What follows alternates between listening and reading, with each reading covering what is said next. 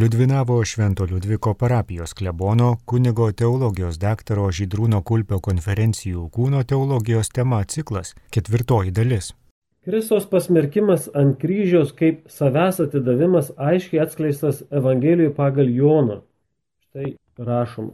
Dievas taip pamilo pasaulį, jog atidavė savo viengimį sūnų, kad kiekvienas, kuris jį tiki, nepražūtų, bet turėtų amžinį gyvenimą. Evangelija pagal Joną, trečias skyrius, 16 eilutė. Matome labai ryškiai paliudytas tas savęs padovanojimas. Sūnus yra kaip dovana, mes būtume išgelbėti, kad nepražūtume. Ratzingeris rašo, jog kryžius yra Dievo meilės radikalumo išraiška. Ant kryžiaus mes matome, kaip tobulai aukojasi pati meilė. Kryžius išreiškia gyvenimą, visą paukotą kitų geroviai. Čia iš krikščionybės įvadas Ratzingerių. Na jau būdamas popiežiumi, Benediktas XVI savo enciklikoje Deus Caritas Est rašo, kad tiesa, jog Dievas yra meilė, Jono pirmajam laiške, galime pamatyti Kristaus mirtyje ant kryžiaus, kurioje Dievas atsigrėžė prieš save patį, atiduodamas save, kad pakeltų ir išgelbėtų žmogų. Tai pati didžiausia meilė. Kasperis aiškina, kad Dievo savęs išsižadanti arba save dovanojanti meilė savo aukščiausia forma yra įkūnijama ant kryžiaus. Šis įvykis yra toks, kad apie kažką didesnio net neįmanoma pagalvoti. Šis įvykis yra nepralenkiama Dievo definicija, apibūdinimas. Šis savęs apiplėšimas nėra Dievo savęs apleidimas ar savęs nudievinimas. Dievo meilė atskleista ant kryžiaus yra Dievo ištikimybė savo pažadams išraiška. Kryžius yra nenudievinimas, bet Dievo dieviškumo atskleidimas. Jis savo neprilykstamą meilę atleidžia ir įrodo, kad yra Dievas o ne žmogus. Tas daromas ne kartą Biblijoje momentas išryškintas, mano mintys ne jūsų mintys, aš esu Dievas, o ne žmogus. Nu, vat ir būtent Ozėjo, pranašo Ozėjo 11 skyriui 9 eilutė, va čia tema taip sako, nebausiu tavęs degančių įniršių, nepanaikinsiu Efraimų, nes aš esu Dievas, o ne žmogus. Aš esu šventasis tarp jūsų ir su pykčiu neateisiu. Dievo visa galybė ir tokia jo meilė neprieštarauja tarpusavyje. Dievui nereikia atsisakyti savo visagalybės, kad atskleistų savo meilę. Priešingai, reikia visų jėgų, kad galima būtų taip atsiduoti, visą save išdalintų. Tik visa gali meilė yra pajėgi visiškai save atiduoti kitam. Aukojimasis iš meilės yra Dievo amžinoji prigimtis. Ir jeigu kas nors bandytų apibriežti, pristatyti dieviškąją prigimtį, toks žmogus paprasčiausiai negalėtų nepaminėti šios besiaukojančios meilės, kuri taip ryškiai atskleista Kristaus asmenyje ir per jo veikimą. Jėzaus meilės auką paaiškino tiesa, kad Dievas yra ne kas kita kaip meilė, kuri reiškia savęs dovanojimu kito geroviai. Golgotos auka yra aiškiausias šios Dievo prigimties atskleidimas pasauliui. Gibrangiai, kryžius yra vienas iš didžiausių Dievo meilės apreiškimų slėpinių. Mūsų viešpaties skausminga mirtis ant kryžiaus. Taigi, Dievas yra meilė ir tai yra jo amžinoji prigimtis. Meilė įgalina asmenį kentėti. Saviauka yra tikroji Dievo esmė ir prigimtis. Dievas amžinai save aukoja ir šiame akte yra įtraukta visa jo prigimtis. Jis yra tas, kuris myli ir mylimasis ir pati meilė. Savo aukojime jis nedalyja savęs, bet amžinai aukoja save patį. Vadinasi, ta auka kurią jis amžinai aukoja, yra pats Dievas. Todėl visa jo būtis yra amžinoji savęs auka iš meilės. Taigi, pakankamai pamatėm akivaizdžiai, kad ši Dievo savidavos idėja yra vienas tinkamiausių būdų autentiškai kalbėti apie švenčiausiai trejybę. Jėzaus mirtis yra mirtis už kitus. Ir būtent šią tiesą liudija Jėzaus paskutiniai vakarieniai su savo mokiniais.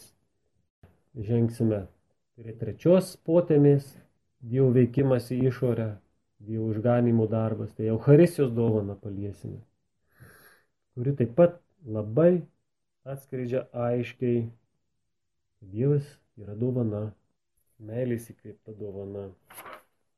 Taigi, kaip minėjau, Eucharistijos dovana yra glaudžiai susijusi su Kristaus auka, savęs atidavimu ant kryžiaus. Tai yra ta pati per amžius besitęsianti kryžiaus auka, tik sudabartinama šių laikų žmonėms, čia ir dabar. Tai yra didelį paslaptis šitą Eucharistijos ir palengva viešpats Jėzus nu, jau iš anksto ruošė šitam, šitam slėpiniui savo mokinius apaštalus. Ne? Net ir vat, jo pokalbis su Samarietė, Kristaus pokalbis, ne prie šulinio apie gyvą į vandenį jau buvo užuomina apie šią ypatingą jo dovaną. Arba duonos ir žuvies padaginimo stebuklas. Jėzus kalba apie savo asmenį kaip dovaną. Save identifikuoja su gyvaja duona. Jonų šeštas skyrius, 51 eilutė. Duona, kurią aš duosiu, yra mano kūnas už pasaulio gyvybę. Duosiu, dovanosiu vėl, vėl, vėl ir vėl ir visame Kristaus veikime. Dovanos aspektas. Veikia, jis gyvena, jis myli kaip dovana. Dėl kitų gerojus. Atiduodu savo gyvybę jums. Į savo tą duoną įdedu save, kad jūs turėtumėte daugiau gyvybės, mano gyvybę. Čia matau išeina kažkokie tai čato klausimai bet gal mes paskui vėliau. Gerai, rašykit tuos klausimus ir mes po to, po to aptarsime. Evangelistas Lukas perteikė Jėzaus veiksmus ir žodžius paskutiniais vakariniais metu kaip dovana savo mokiniams. Ne, žiūrėkit, pacituosiu Evangeliją pagal Luką 22 skyrius 19-20 eilutės. Paėmęs duonus jis padėkojo, laužė ją ir davė paštalams tardamas. Tai yra mano kūnas, kuris už jūs atiduodamas. Jis paėmė taurę sakydamas, ši taurė yra naujoji sandora mano kraujyje, kuris už jūs išliejamas. Jonas Paulius II aiškiai įvardijo Eucharistiją kaip dovaną ir pabrėžė, kad Eucharistija yra pati tobuliausia dovana, nes dovana yra jis pats. Čia jisai kalba enciklikoje Eklezija de Eucharistikė. Kristus per savo kūnų tapo amžiną savęs dovaną bažnyčiai, per kurią jis visada yra tarp mūsų. Taip darykite mano atminimui. Pat Pranciškonas Kantalamesa puikiai atskleidžia, kad Euharistija, kaip Kristaus kūno ir kraujo aukojimas, yra Kristaus gyvenimo ir mirties atidavimas žmonėms. Steigdamas Euharistiją, Kristus paliko mums viso savo gyvenimo dovaną nuo pirmosios įsikūnimo akimirkos iki paskutinio atodūsio. Tas pilnutinis gyvenimas, kas buvo Kristus gimdamas ir kuo tapo gyvenimui bėgant, jo visa ontologinė ir istorinė tikrovė, su visais medžiaginiais įvykiais, pripildžiusiais jo dienas, tyla ir veikla, darbas ir malda, kovos ir pažeminimai, viskas sudėta į jo atnašą, į jo kūną kuris atiduodamas už mus. Vat kaip kunigas pakėlęs pateną per mišes, tai ant tos lėkštelės visa Kristaus dovana, kaip Kantalamesa pabrėžė, visas gyvenimas, nuo pas pirmo momento iki paskutinių, viskas sudėta. Imkite ir valgykite. Jis visą save atiduoda mums. Apibendrinant galim pasakyti, kad mums atskleistas Dievo veikimas. Tai, ką minėjom, Kristaus įsikūnymas, jo mirtis ant kryžiaus, Eucharistijos dovana. Tai yra meilės įkvėpta Dievo savęs dovana mums. Šis Dievo savęs dovanojimas yra visų aukščiausias ženklas ir Dievo didžiosios meilės mums pagrindas. Būtent per šią savo meilę Dievas kviečia žmogų į bendrystę su juo. Tokia yra Dievo prigimtis. Toks yra Dievo paveikslas ir veikimas. savęs dovanojimas iš meilės. Tokio Dievo veikimo pažinimas atneša vidinius vaisius. Basiaukojančios Dievo meilės įtikėjimas perkyčia žmogų ir įkvepia jame lygiai vertį aistringą meilės atsaką. Į šį savęs dovanojimą Dievas leidžia mums atsiliepti savo meilę ir per tai užmėgsti ypatingus bei artimus ryšius, būtent bendrystę su trejybe. Taigi, aptarėme, jog savęs dovanojimas yra trybės dieviškų asmenų meilės santykių esmė ir jų tapatybės šaltinis. Išganimo istorija atskleidžia tiesą, kad dovanos idėja išreiškia ne tik vidinį trybės gyvenimą, iš kurio viskas turi pradžią, bet dovana išreiškia ir sukūrimą bei atpirkimą.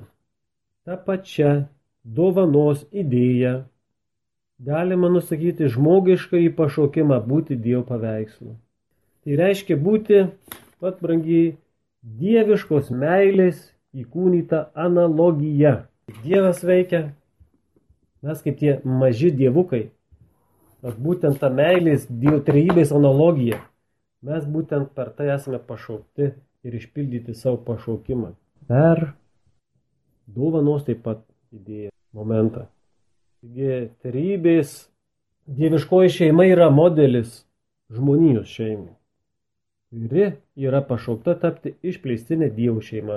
Taigi, paskaitos pradžioje užfiksavom, kad žmogus yra dievo paveikslas. Toliau patyrinėjome, kas yra dievas, pamatėme jo esmę, tai yra meilė kaip savęs dovanojimas. Na, o dabar sustosime prie mūsų paskutinio paskaitos tokio etapo pagrindinio. Tai pakalbėsime, kaip konkrečiai žmogus išpildo savo pašaukimą į Dievą panašumą į Dievą. Mes kaip Dievo paveikslas savyje ir išpildome šį pa, panašumą.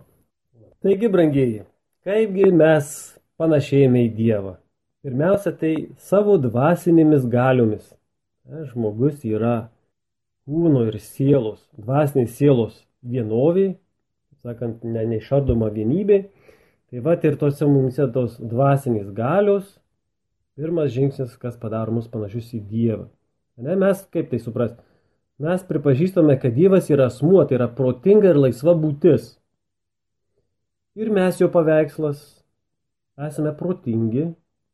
Dievas turi valią ir žmonės, sukurti pagal jo panašumą, yra valingi. Žmogaus laisva valia ir jo protas padaro jį panašį į Dievą. Tai šios žmogaus galios kalba apie jo dvasinį pradą. Visi šie dalykai yra dvasiniai realybė ir jie supanašina mūsų Dievu. Kaip šie dvasiniai dalykai išreiškiami per kūną, tai tampa fiziniu Dievo paveikslu pasaulyje. Tačiau turime suvokti, kad mūsų kaip sukurtus pagal Dievo paveikslą išreiškia ne tik mūsų dvasinis galius, tai apima ir mūsų kūniškumą. Dievo paveikslą dalyvauja ir žmogaus kūniškumas. Žmogaus asmuo kaip visuma yra dieviško paveikslo nešiotojas ir su dvasiniu, ir su kūniniu matmeniu. Žmogus yra dvasinės sielos ir kūno nedaloma vienybė, todėl drauge su dvasinės sielos galiomis Dievo paveiksle būtinai dalyvauja ir jo kūniškumas. Tai yra labai daug momentų, kuriais mes išpildome panašumą į Dievą, o dabar mes sustosime prie kito labai svarbaus momento, kas mus padaro dieviškos būties, kaip sakoma, individais, tai yra nekas kita kaip meilė. Meilė mūsų panašina su Dievu. Paprasti dalykai, kuriuos kūno teologija parodo, pasako. Dievas meilė, tai kas žmogus yra, irgi tas pats. Mūsų Dievo ypač supanašina meilį. Dieviškoje prigimtyje žmogus dalyvauja būtent todėl, kad jis yra sukurtas meilėje ir per meilę. Mylėdami mes tampame panašus į Dievą. Būtent per meilę ir dovanojimą. Žmogus, nors yra sukurtas iš dulkių, įgauna savo prakilnumą ir dieviškumą. Pradžios knygoje, ne iš dulkių mus viešpats sukūrė, bet tos dulkės pasirodo kilmingos. Būtent jeigu mes sugebame mylėti. Žmogus kaip Dievo paveikslas yra sukurtas meilė ir savęs dovanojimui. Meilė įkvepia rūpintis kitu, neieškoti savęs, trokšti gėrio savo mylimajam, mylimajai, teikti pagalbą net savo gyvybės kainą. Meilė yra atsigrėžimas ir rūpesis kitu, o ne savimi. Ir kai mes tą darome, mes atkartojame Dievo veikimą ir meilę. Nes Dievas sukūrė pasaulį ne tam, kad iš jo kažką gautų savo, bet dėl to, kad duotų ir pasidalintų savimi. Štai koks meilės kelias. Šitoks meilės kelias yra realizuojamas būtent santokoje. Kristaus gyvenimo išskirtinis požymis buvo jo meiliai Dievui tėvui ir žmonėms. Todėl per savo nuoširdžią meilę sutoktiniai taip pat kelbė Kristų ir net perteikė jo gyvenimą vienas kitam. Santuoka yra vieta, kurioje dievų meilė per abipusę sutoktinių meilę tampa regima. Kiekvienas Kristaus pašauktasis asmuo yra Jėzaus ženklas. Čia labai, tokia, labai aiškiai ir svarbi mintis. Jėzaus ženklas. Per kurį tam tikrą prasme Jėzus toliau vykdo savo meilės misiją. Taigi rūpinimasis kitu ir dalymasis savimi, tai yra meilė, mus supanašina su Dievu. Jonas Paulius II teigia, kad meilė yra ontologinė ir etinė asmens reikšmė. Savo iš apaštališkojo laiško mulierės dignitatim. Popiežius tuo giliai įsitikinęs todėl ir sako, žmogus negali gyventi be meilės.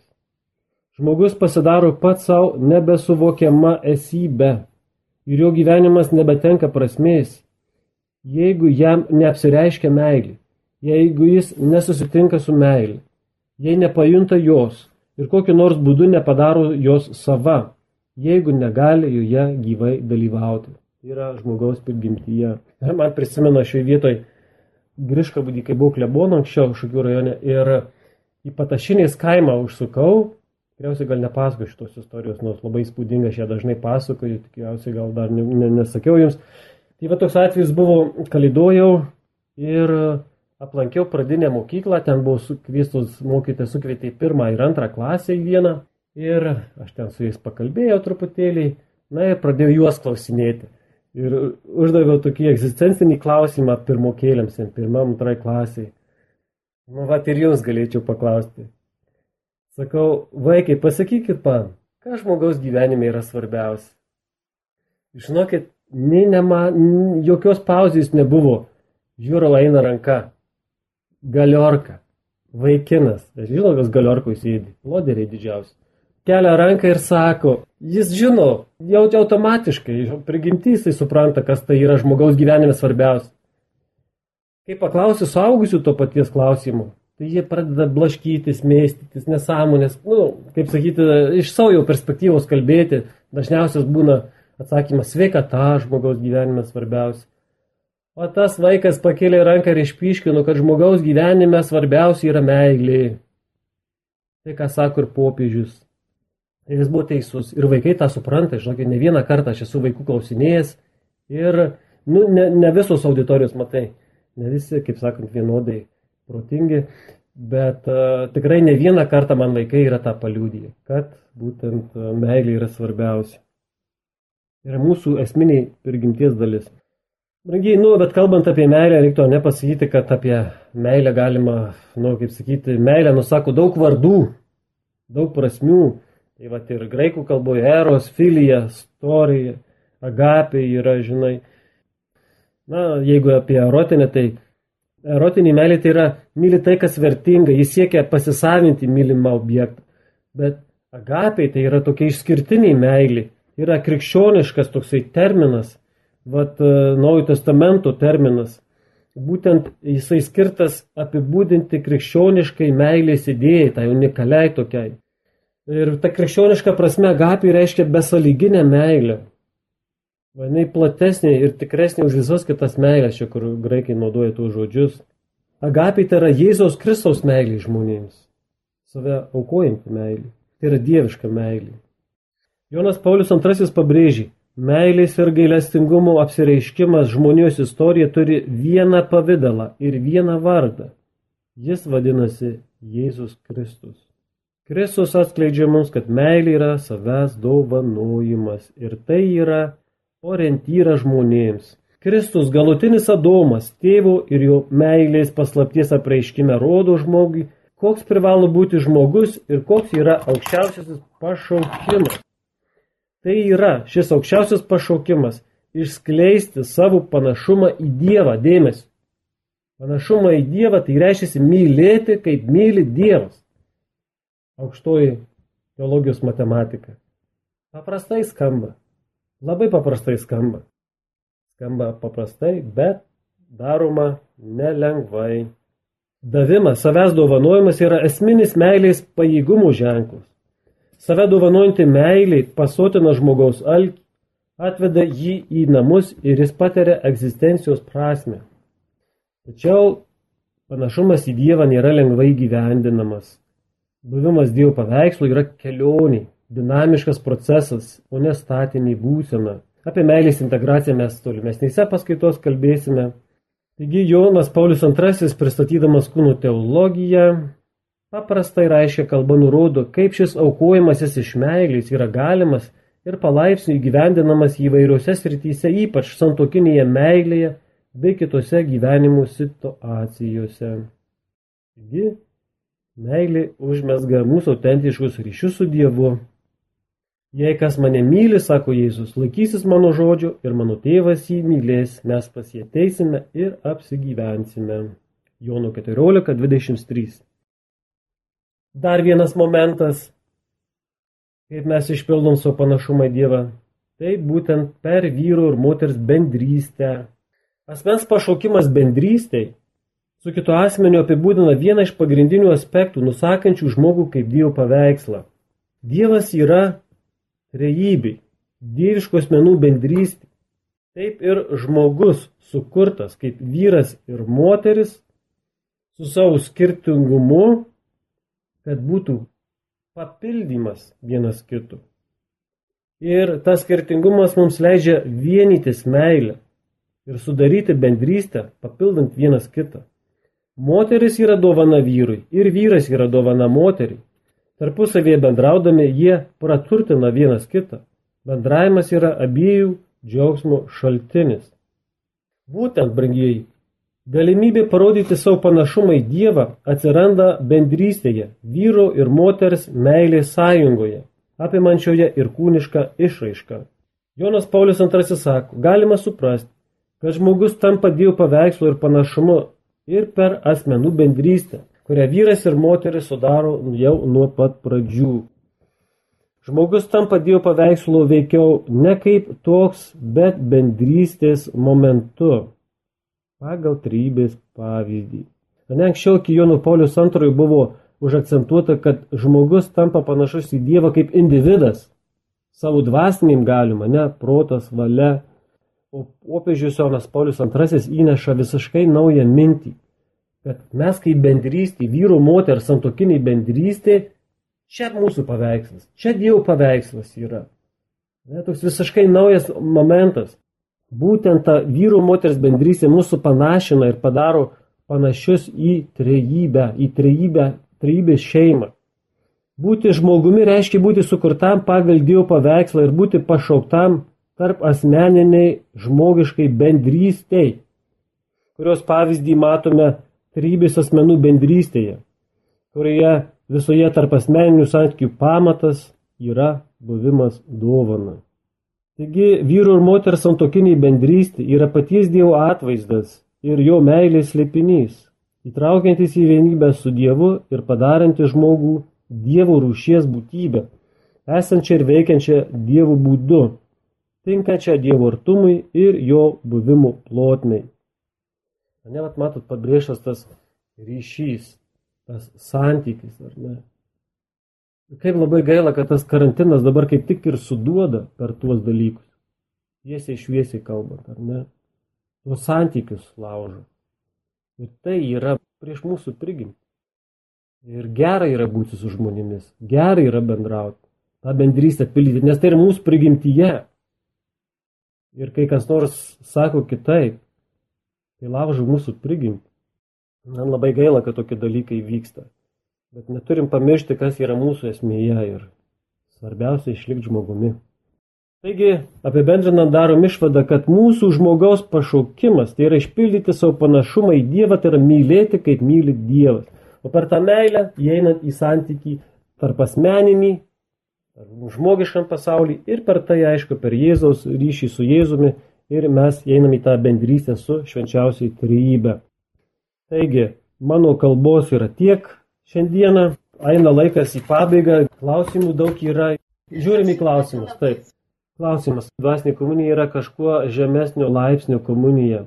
Ir ar primant šventąją komuniją atlikus išpažinti, bet nedalyvaujant šito mišiose gyvai ir dabar leidžiama negalima pilnai išgyventi komunijos. Ką, brangieji, nieko naujo nepasakysiu aš jums. Tik sakysiu, ką Kristus pasakė. Imkite ir valgykite. Nežiūrėkite. Ne transliaciją sekite. Bet ten dar kažką. Ta dvasinė komunija yra priimtinas visas dalykas. Bet niekas nepakeis Kristaus realios komunijos. Nesileiskime apsigaunami. Kristus sakė, kur du ar trys, mano vardu ten ir aš.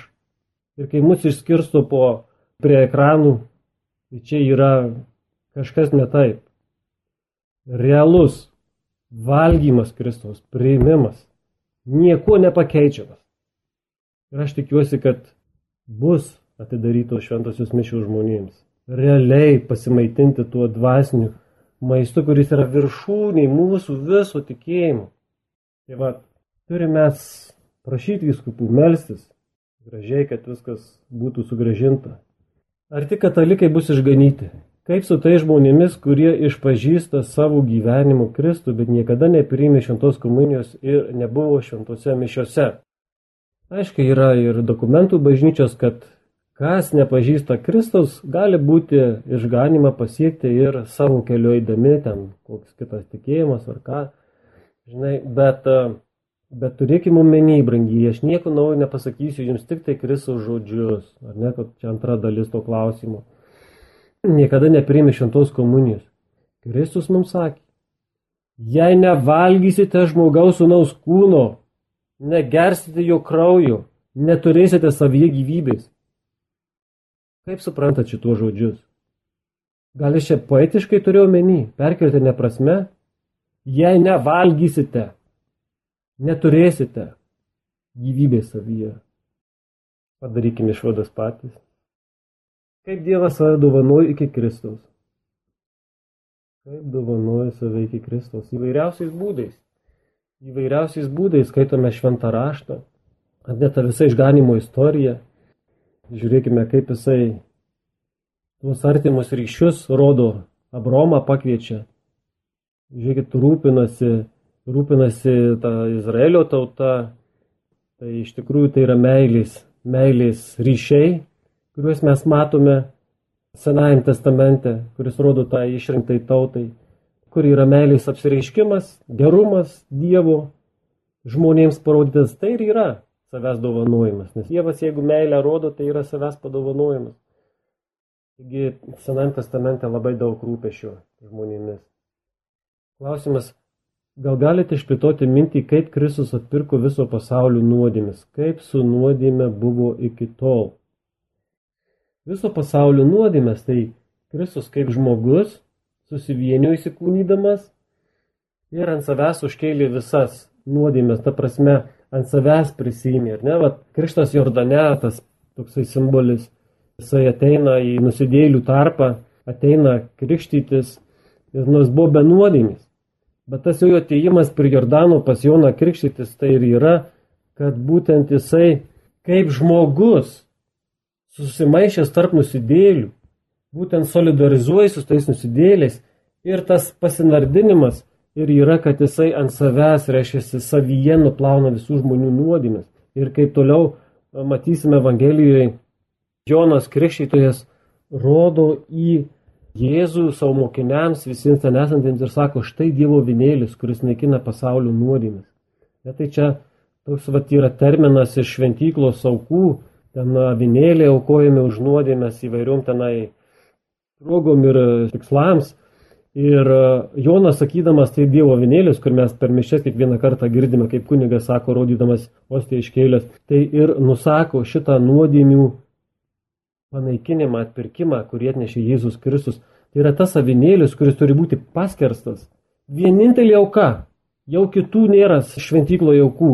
Jis kaip tas avinėlis, Dievo avinėlis, kuris turi būti vieną kartą visiems laikams papjautas, kad būtų panaikintos pasaulio nuodėmis. Tai Dievo avinėlis, kuris naikina pasaulio nuodėmis. Jonas Krikščitojas tą pabrėžė, jis būdamas kaip Seno testamento kunigo vaikas, žinodamas tos visas aukų, tas visus subtilumus, būtent jis tą ir parodo. Viskas netenka galius. Yra vienintelė auka - Kristus, kuris panaikina mums nuodėmės. Nuodėmė tai iki Kristus tai buvo ten tos visos irgi apėgos, kai žmonės atsiprašydavo Dievą ir per aukas, ir tus ritualus Seno testamento būdavo atgailos momentai. Viršūnė yra Kristus. Mirtis už mūsų išgelbėjimą.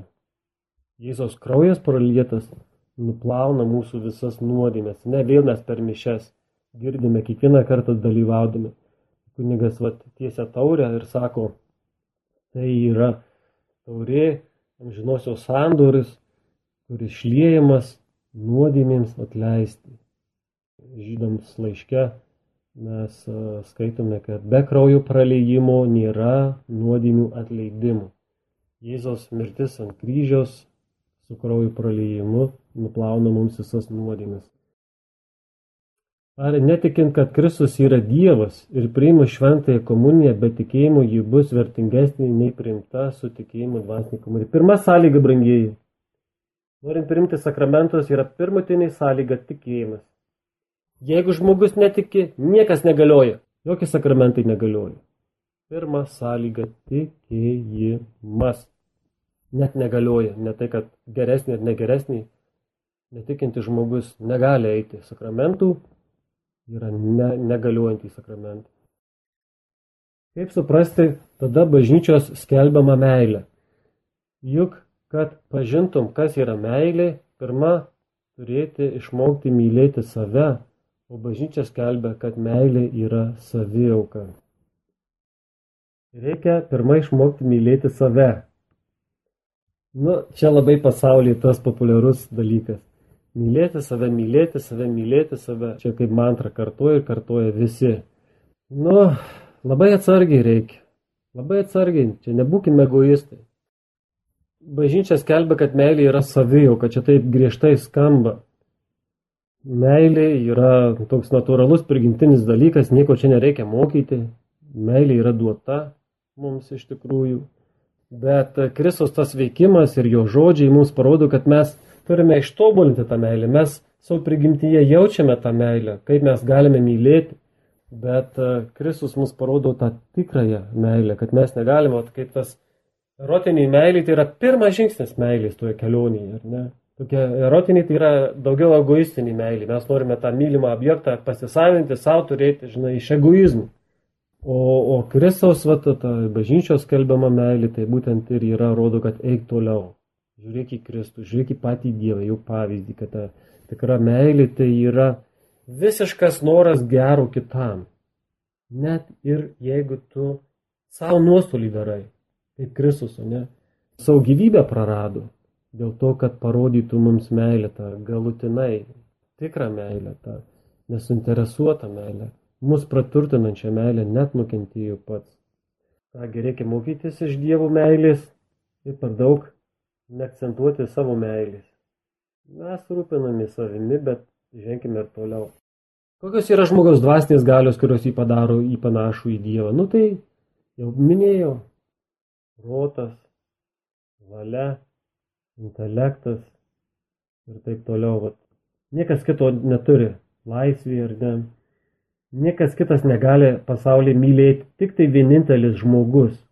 Ne, kaip sako, šuniukas myli. Nieko jis nemyli. Jis turi prisirišimą tik tai. Nes meilės viena iš esminių sąlygų yra laisvė.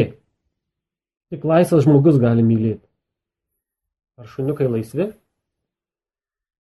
Nelaisvi. Ne tai, kad ant grandinės pririšti kai kurie. Ne. Pas juos yra instinktai. Tai ir jie seka instinktus. Laisvės neturi tik vienintelis Dievo paveikslas ant žemės žmogus turi tą galimybę. Laisvę ir meilę galimybę. Dievui tėvui esame įsūniai. Jėzui Kristui įbroliai. O kuo mes esame šventai dvasiai? Na, čia jau sudėtingai skamba, broliai. Jau čia kaimo klebono dovanokit, praleisim šitą klausimą. Toliau einam. Jeigu meilė yra iš Dievo, kaip vertinate meilę tarp dviejų vyrų ir dviejų moterų, kuri perauga į kūnišką meilę? Nu taip, mes paskutiniai paskaitojai palikę padiskutuoti plačiau šitos problematinius klausimus. Dabar praleisime. Klausimas, kokiais konkrečiais būdais jums asmeniškai geriausiai pavyksta mylėti taip kaip Dievas? Brangiai, tokiais pačiais, kaip vad kalbėjau. Žinokit, teko truputėlį dvasingumo paskaitas vesti ir aš klausdavau savo studentų, tai pradžioj tokios paskaitos prieš norėdamas ką pasakyti jiems, klausdavau, sakau, ar yra koks nors toksai būdas išmatuoti, nu, būtent, kiek mes esame tobuli, va, sakau, jūsų čia 20-30 yra paskaitoj, yra koks termometras, kad gali įkišti į pažastį ir pasakyti, va, kad tu labiau tobulas, tu mažiau tobulas, ar galima tai pasakyti, ką nors. Tai man buvo keista, kad jis sako, kad nėra tokio mato, nėra tokio instrumento, kurių galime pamatuoti, o aš sakau, kad yra. Ir kas tai yra? Iš šiandienos paskaitos. Meiliai. Kuo mes labiau mylime, tuo mes labiau tobulesni esame. Pats sveikas įrankis. Tai tas termometras, kuris įkiš ir parodo, žinai. Bet tas klausimas, ką jūs sakote, reiškia, kaip man geriausiai pavyksta, mes visi nusidėlį. Mes visi stengiamės mylėti. Mes stengiamės tobulinti tą meilę. Vieniem geriau sekasi, kitiem praščiau sekasi. Tai yra mūsų kova prieš egoizmą kuo labiau savo kasdienybėj, konkrečioje kasdienybėj, ką tu darai, mažiau egoizmo turėti. Dėl kito gerovės kažką padaryti. Be egoizmų, be blogų minčių, be jokių rezervacijų. Tai yra sunkus dalykas, žiaurus dalykas. Ir bjaurus dalykas. Mūsų prigimčiai puolus, mūsų egoistiniai prigimčiai. Yra dalykas sunkus, bet aš kiekvieną kartą stengiuosi, einu iš pažinties Ir tai yra nelengva. Aišku, ir toliau dar kalbėsime, bet tie patys paprasčiausi dalykai, kovoti prieš savo egoizmą. Tai kartais geriau, kai kartais prašiau sekasi. Bet turime nuleisti rankų ir tobulinti šitos dalykus. Tobulinti savo meilę. Kiekvienur, ar bendradarbių aplinkoje, ar su šeima, ar dar kur nors, ar kunigystėje, vat, kaip aš atreiškiasi, kad žmogaus nepriekta, ar ne, per išpažinti būti švelnesniam. Tai yra siekimybė. Kartais geriau, kartais prašiau, bet viso gyvenimo yra projektas, brangiai. Jei esi krikštytas, tai kai tau buvo kelios dienos po gimimo, kaip tada su tikėjimu ir sakramentų galiojimu. Kitaip tariant, ar esu įpareigotas tikėti, nors nepasirinkau to. Brangieji, mes e, suponuojame, kad tie tėveliai ir krikštatėviai, kurie atneša kūdikėlį krikštyti, yra tikinti žmonės. Ir mes ne tik tai suponuojame, kaip sakyti, nu, numanome, bet mes ir per apėgas, vad kunigas per krikšto apėgas ir klausia. Tai pirmiausia yra tikėjimo išpažinimas. Ar tiki, ar priimi. Ir tėvai krikštatėviai sako, tikiu. Ir būtent jie kalba už mažylį, kuris saldžiai miega. Arba bleuna gražiai. Praktikuojasi chorui būsimam. Ir tai yra pakankamas dalykas, krikštyti ir viskas yra tvarkoj. Mes turime Evangelijoje nekartą paliūdytą, kad Jėzus mylėjo vaikučius, laimino, dėjo rankas ant vaikučių. Tai vad Jėzaus meiliai vaikučiams ir duoda mums pagrindą, kad mes vaikučius nuo pat gimimo kuo greičiau pristatome pagal kanonų teisę pirmą savaitę. Tai va, tas įpareigoja ir, ir aišku, yra pagal bažnytinę teisę yra įpareigojama, kurie atneša vaikutį krikštyti, turi būti pasiryžę auklėti vaiką krikščioniškai. Jeigu yra bejojama, reiškia, kad vat, ar tikėti ar netikėti, ar mano galioja tas krikštas ar ne, iš tikrųjų, tai čia yra auklėjimo krikščioniškos spragos, brangiai. Tai labai gaila, kad e, tėveliai ar krikšto tėvai, kurie prisėmė pareigą, atnešė krikštyti, nepadarė savo namų darbų, vaikučių nepertikė tikėjimą, nors buvo pasiryžę ir pažadėjo kunigui. Viskas galioja, krikštas galioja priimtinas. Girdėjote ketvirtąją dalį iš konferencijų kūno teologijos tema ciklo, parengto Liudvinavo Švento Liudviko parapijos klebono kunigo teologijos daktaro Žydrūno Kulpio.